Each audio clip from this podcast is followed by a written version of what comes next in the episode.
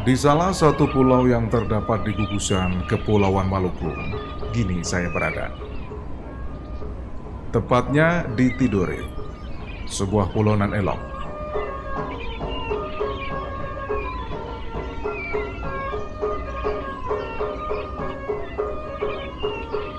Sebelum agama Islam datang ke bumi Nusantara, Tidore dikenal dengan nama Kieduko, yang berarti pulau yang bergunung api.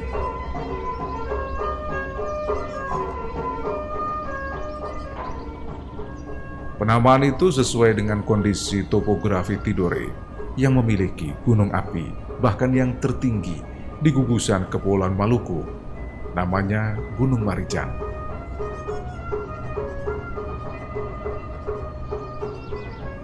Nama Tidore berasal dari gabungan dua rangkaian kata bahasa Tidore dan Arab yang diambil dari dialek Irak.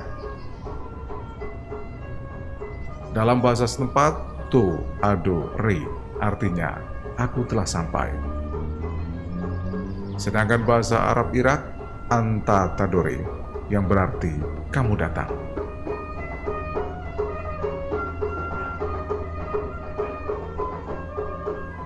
Pada masa lalu, Tidore selalu dipimpin sosok yang mampu menaklukkan wilayah tertentu atau kepemimpinan absolut. Lambat laun berevolusi menjadi sistem kepemimpinan Islam.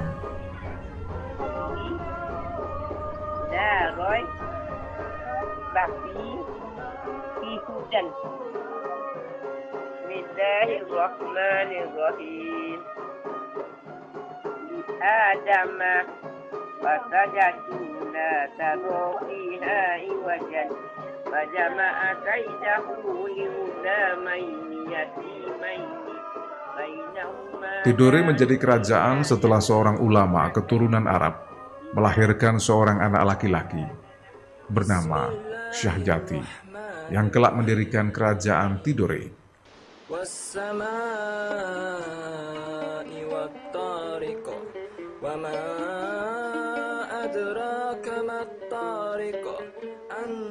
Keturunan Sahjati yang bernama Ciriliyati sekitar tahun 1495 berubah kerajaan Tidore menjadi Kesultanan Islam hingga sepakat mengganti gelar raja bagi kepemimpinan kerajaan Tidore Kolano menjadi sultan dan merubah namanya menjadi Jamaluddin. يخرج من بين السلب والترائب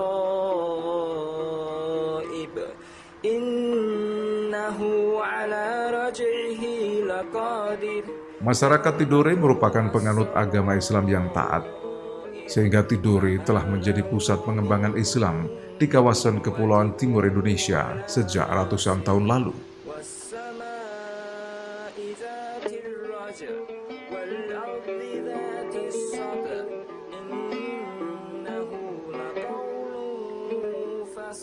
Karena kuatnya pengaruh Islam dalam kehidupan warga, para ulama memiliki status dan peran yang penting di masyarakat.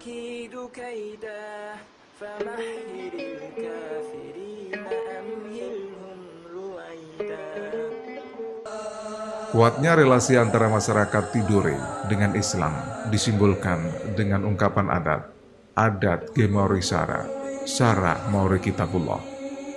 Artinya, adat bersendi syara, syara bersendi kitabullah.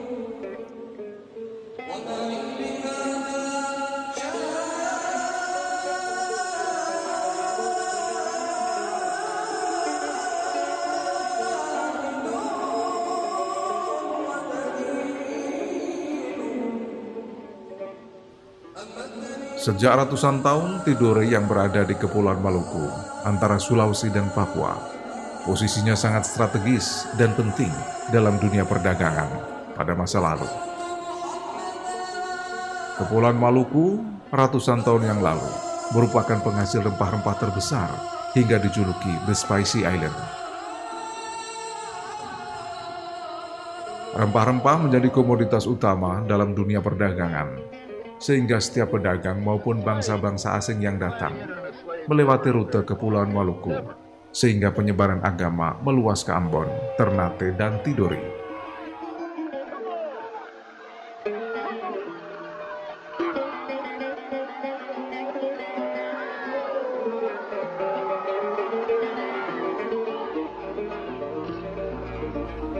Di Maluku, Belanda menguasai Kepulauan Ambon dan Banda. Kesultanan Ternate ditempatkan di bawah pengaruhnya.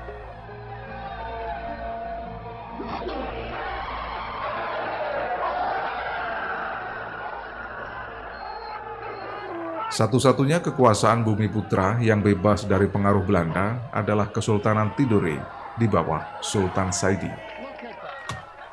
Di Maluku saat itu Belanda sudah menjalankan politik monopoli dan campur tangan dalam pergantian tahta kerajaan.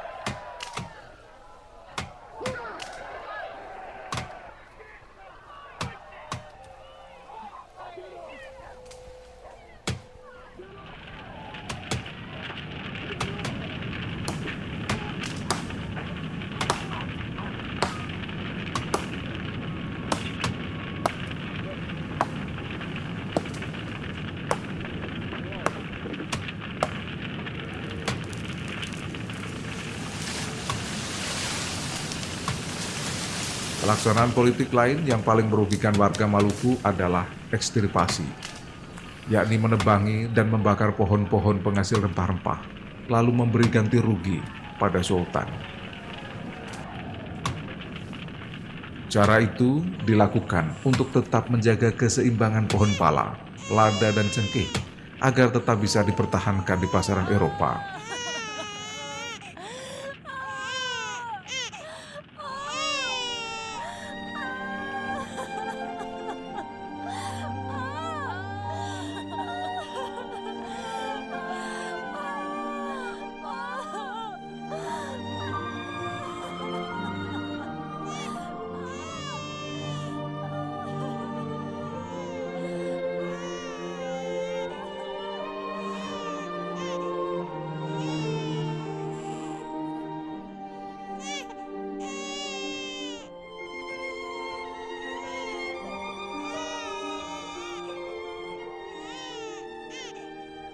Akibat dari politik ekstripasi itu, rakyat Maluku sangat menderita karena ribuan pohon lada, cengkeh, dan pala mati.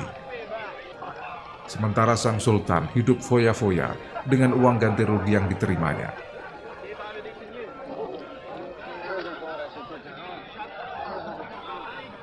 Kerajaan Tidore mencapai puncak kejayaan pada masa pemerintahan Sultan Nuku yang memerintah antara tahun 1780 hingga 1805. Nuku adalah putra kedua Sultan Tidore, Sultan Jamaluddin. Ia lahir tahun 1738 dengan nama Kaicil Saifuddin. Di usia 41 tahun, seharusnya Nuku dinobatkan menjadi sultan namun Belanda tak menghendaki Nuku naik tahta, lalu ditunjuk Kaicil Gejira sebagai Sultan Tidore.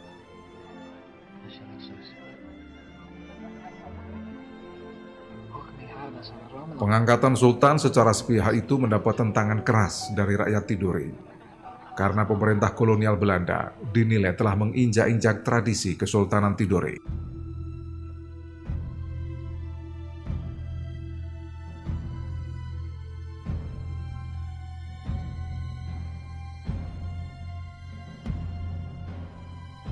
Terlebih lagi setelah Belanda menurunkan Sultan Kaicil Gejira, lalu menunjuk putranya, Patra Alam, sebagai Sultan Tidore yang baru. Nuku menentang pengangkatan Sultan itu oleh Belanda. Karena berdasarkan tradisi kerajaan Tidore, pengangkatan raja baru harus berdasarkan silsilah. Dan seharusnya yang berhak menjadi Sultan Tidore waktu itu adalah Nuku, bukan Kaicil Gejira.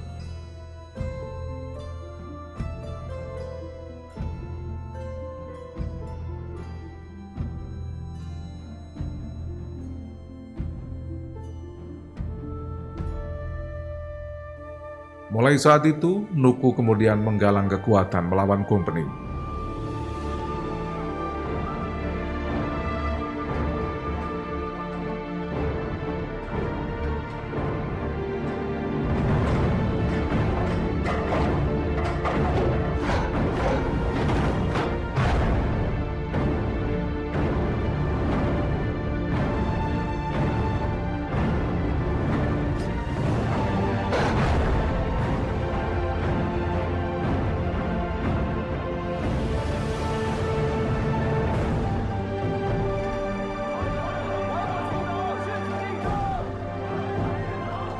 Langkah pertama yang dilakukan adalah membebaskan kerajaannya dari bagian-bagian wilayah tiga gubernuran Kompeni Belanda. Ia tahu persis keadaan negerinya dan semua permasalahannya.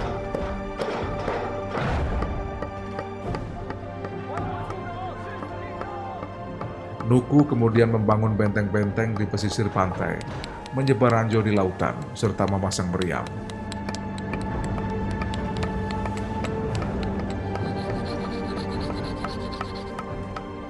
Armada kapal kura-kura juga dibangun di daerah sekitar Pulau Seram dan Irian Jaya dengan mendirikan basis pertahanan di Seram Timur.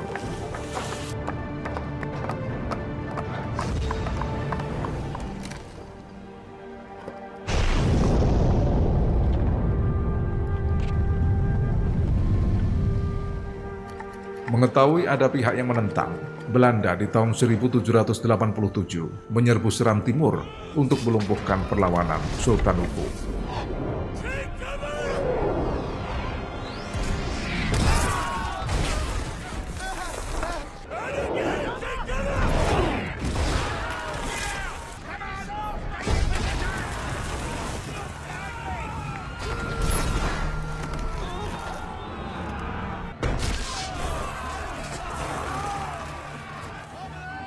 Basis pertahanan Nuku berhasil direbut, tapi ia meloloskan diri.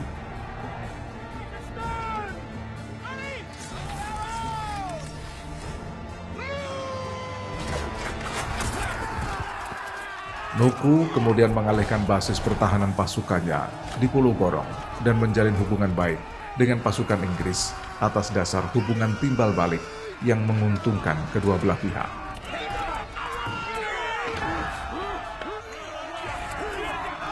Nuku meniru siasat yang sering digunakan Belanda, yakni siasat adu domba.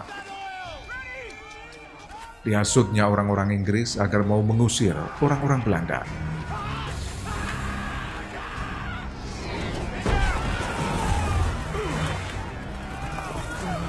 Bersama orang-orang Inggris, Nuku kemudian menggempur company. Setelah berhasil memukul Belanda, Nuku berbalik menyerang Inggris.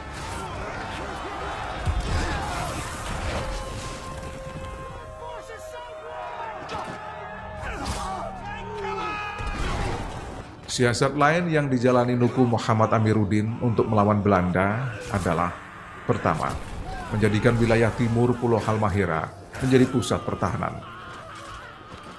Kedua, membentuk bagian pemberitaan dengan tugas menyaring berita yang berasal dari Tidore dan Ternate.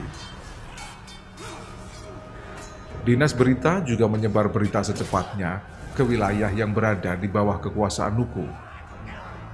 Ketiga, membentuk pasukan telik sandi atau spionase yang diselundupkan ke wilayah kota Tidore dan Ternate. Keempat, memperkuat pasukan perahu kora-kora Hongi untuk menghadapi monopoli Belanda dalam perdagangan rempah-rempah.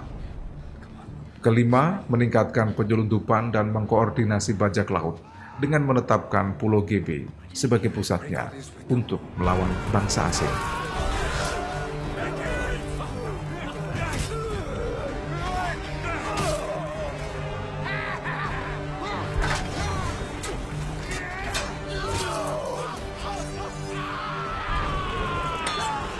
Dengan cara itu, Nuku akhirnya mampu mendesak company menegakkan ketertiban, keamanan, dan keseimbangan di seluruh wilayah Maluku Utara.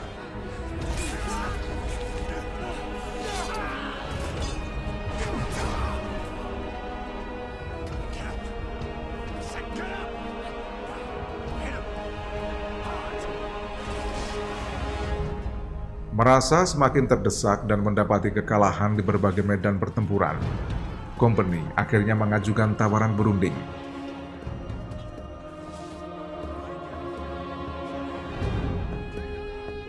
Nuku Muhammad Amiruddin dijanjikan akan mendapat kekuasaan yang luas jika bersedia berunding dengan Sultan Tidore Kamaluddin.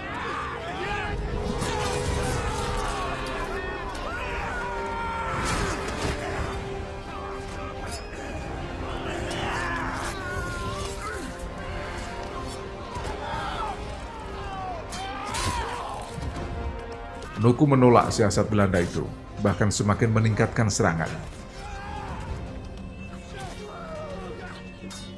Tahun 1796, Nuku dan pasukannya berhasil menguasai Pulau Banda.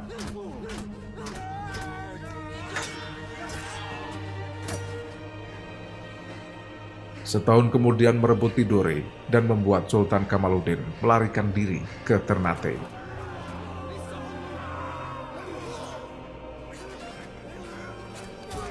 Sepeninggal Sultan Kamaluddin, rakyat Tidore secara bulat menunjuk Nuku Muhammad Amiruddin menjadi Sultan Tidore, tepatnya pada tanggal 13 April 1779. Gelarnya Sri Paduka Mahatuan Sultan Saidul Jihad El Ma'bus Amiruddin Shah Kaicil Paparangan.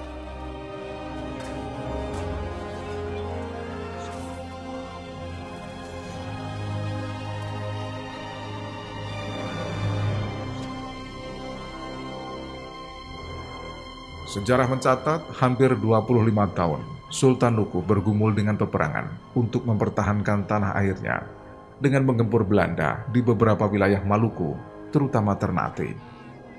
Sehingga tanggal 21 Juni 1801, Belanda menyerah dan terusir dari Tidore dan Ternate.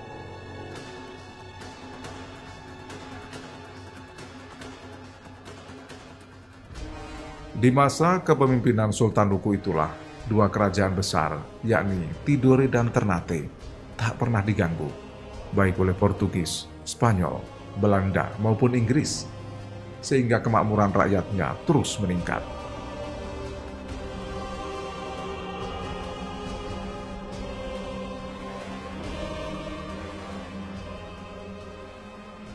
Pada masa jayanya, wilayah Kesultanan Tidore mencakup kawasan yang cukup luas, meliputi Pulau Tidore, Halmahera Tengah, Pantai Barat, dan bagian utara Irian Jaya, serta Seram Timur, bahkan mencapai Kepulauan Pasifik.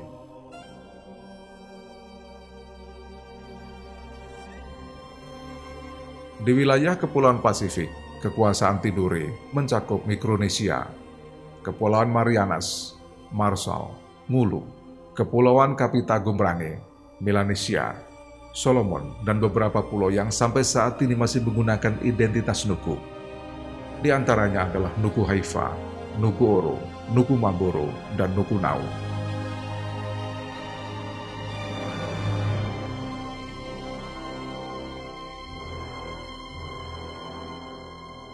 Wilayah Kepulauan Pasifik lainnya yang termasuk dalam kekuasaan Kesultanan Tidore adalah Haiti dan Kepulauan Nuku Lailai, Nuku Fetau, Nuku Wangi, dan Nuku Nono.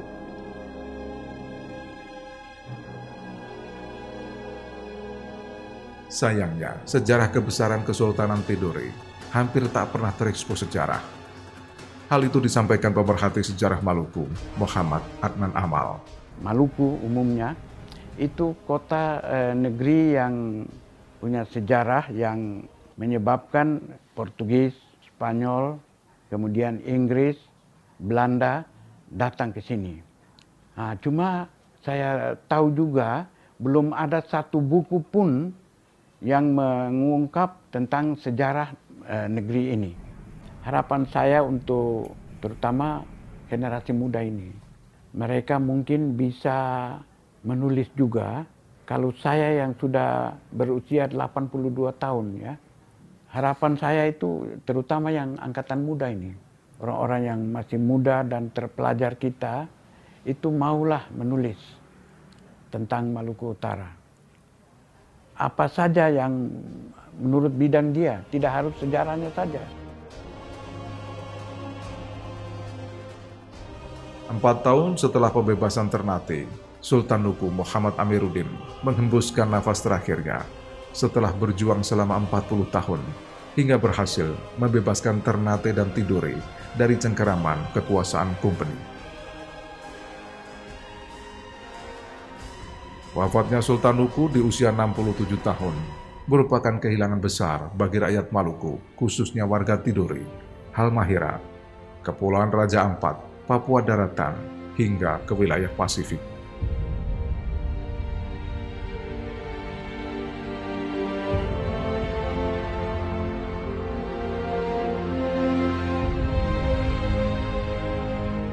Setelah wafatnya Sultan Huku, sejarah lama Tidore berulang kembali. Perebutan kekuasaan oleh pengganti-pengganti Sultan Huku dan campur tangan Belanda dalam suksesi Kesultanan Tidore menyebabkan pamor Tidore terpuruk kembali, sehingga menjadi kesultanan yang lemah. Bahkan hampir terhapus dalam sejarah perjuangan bangsa Indonesia.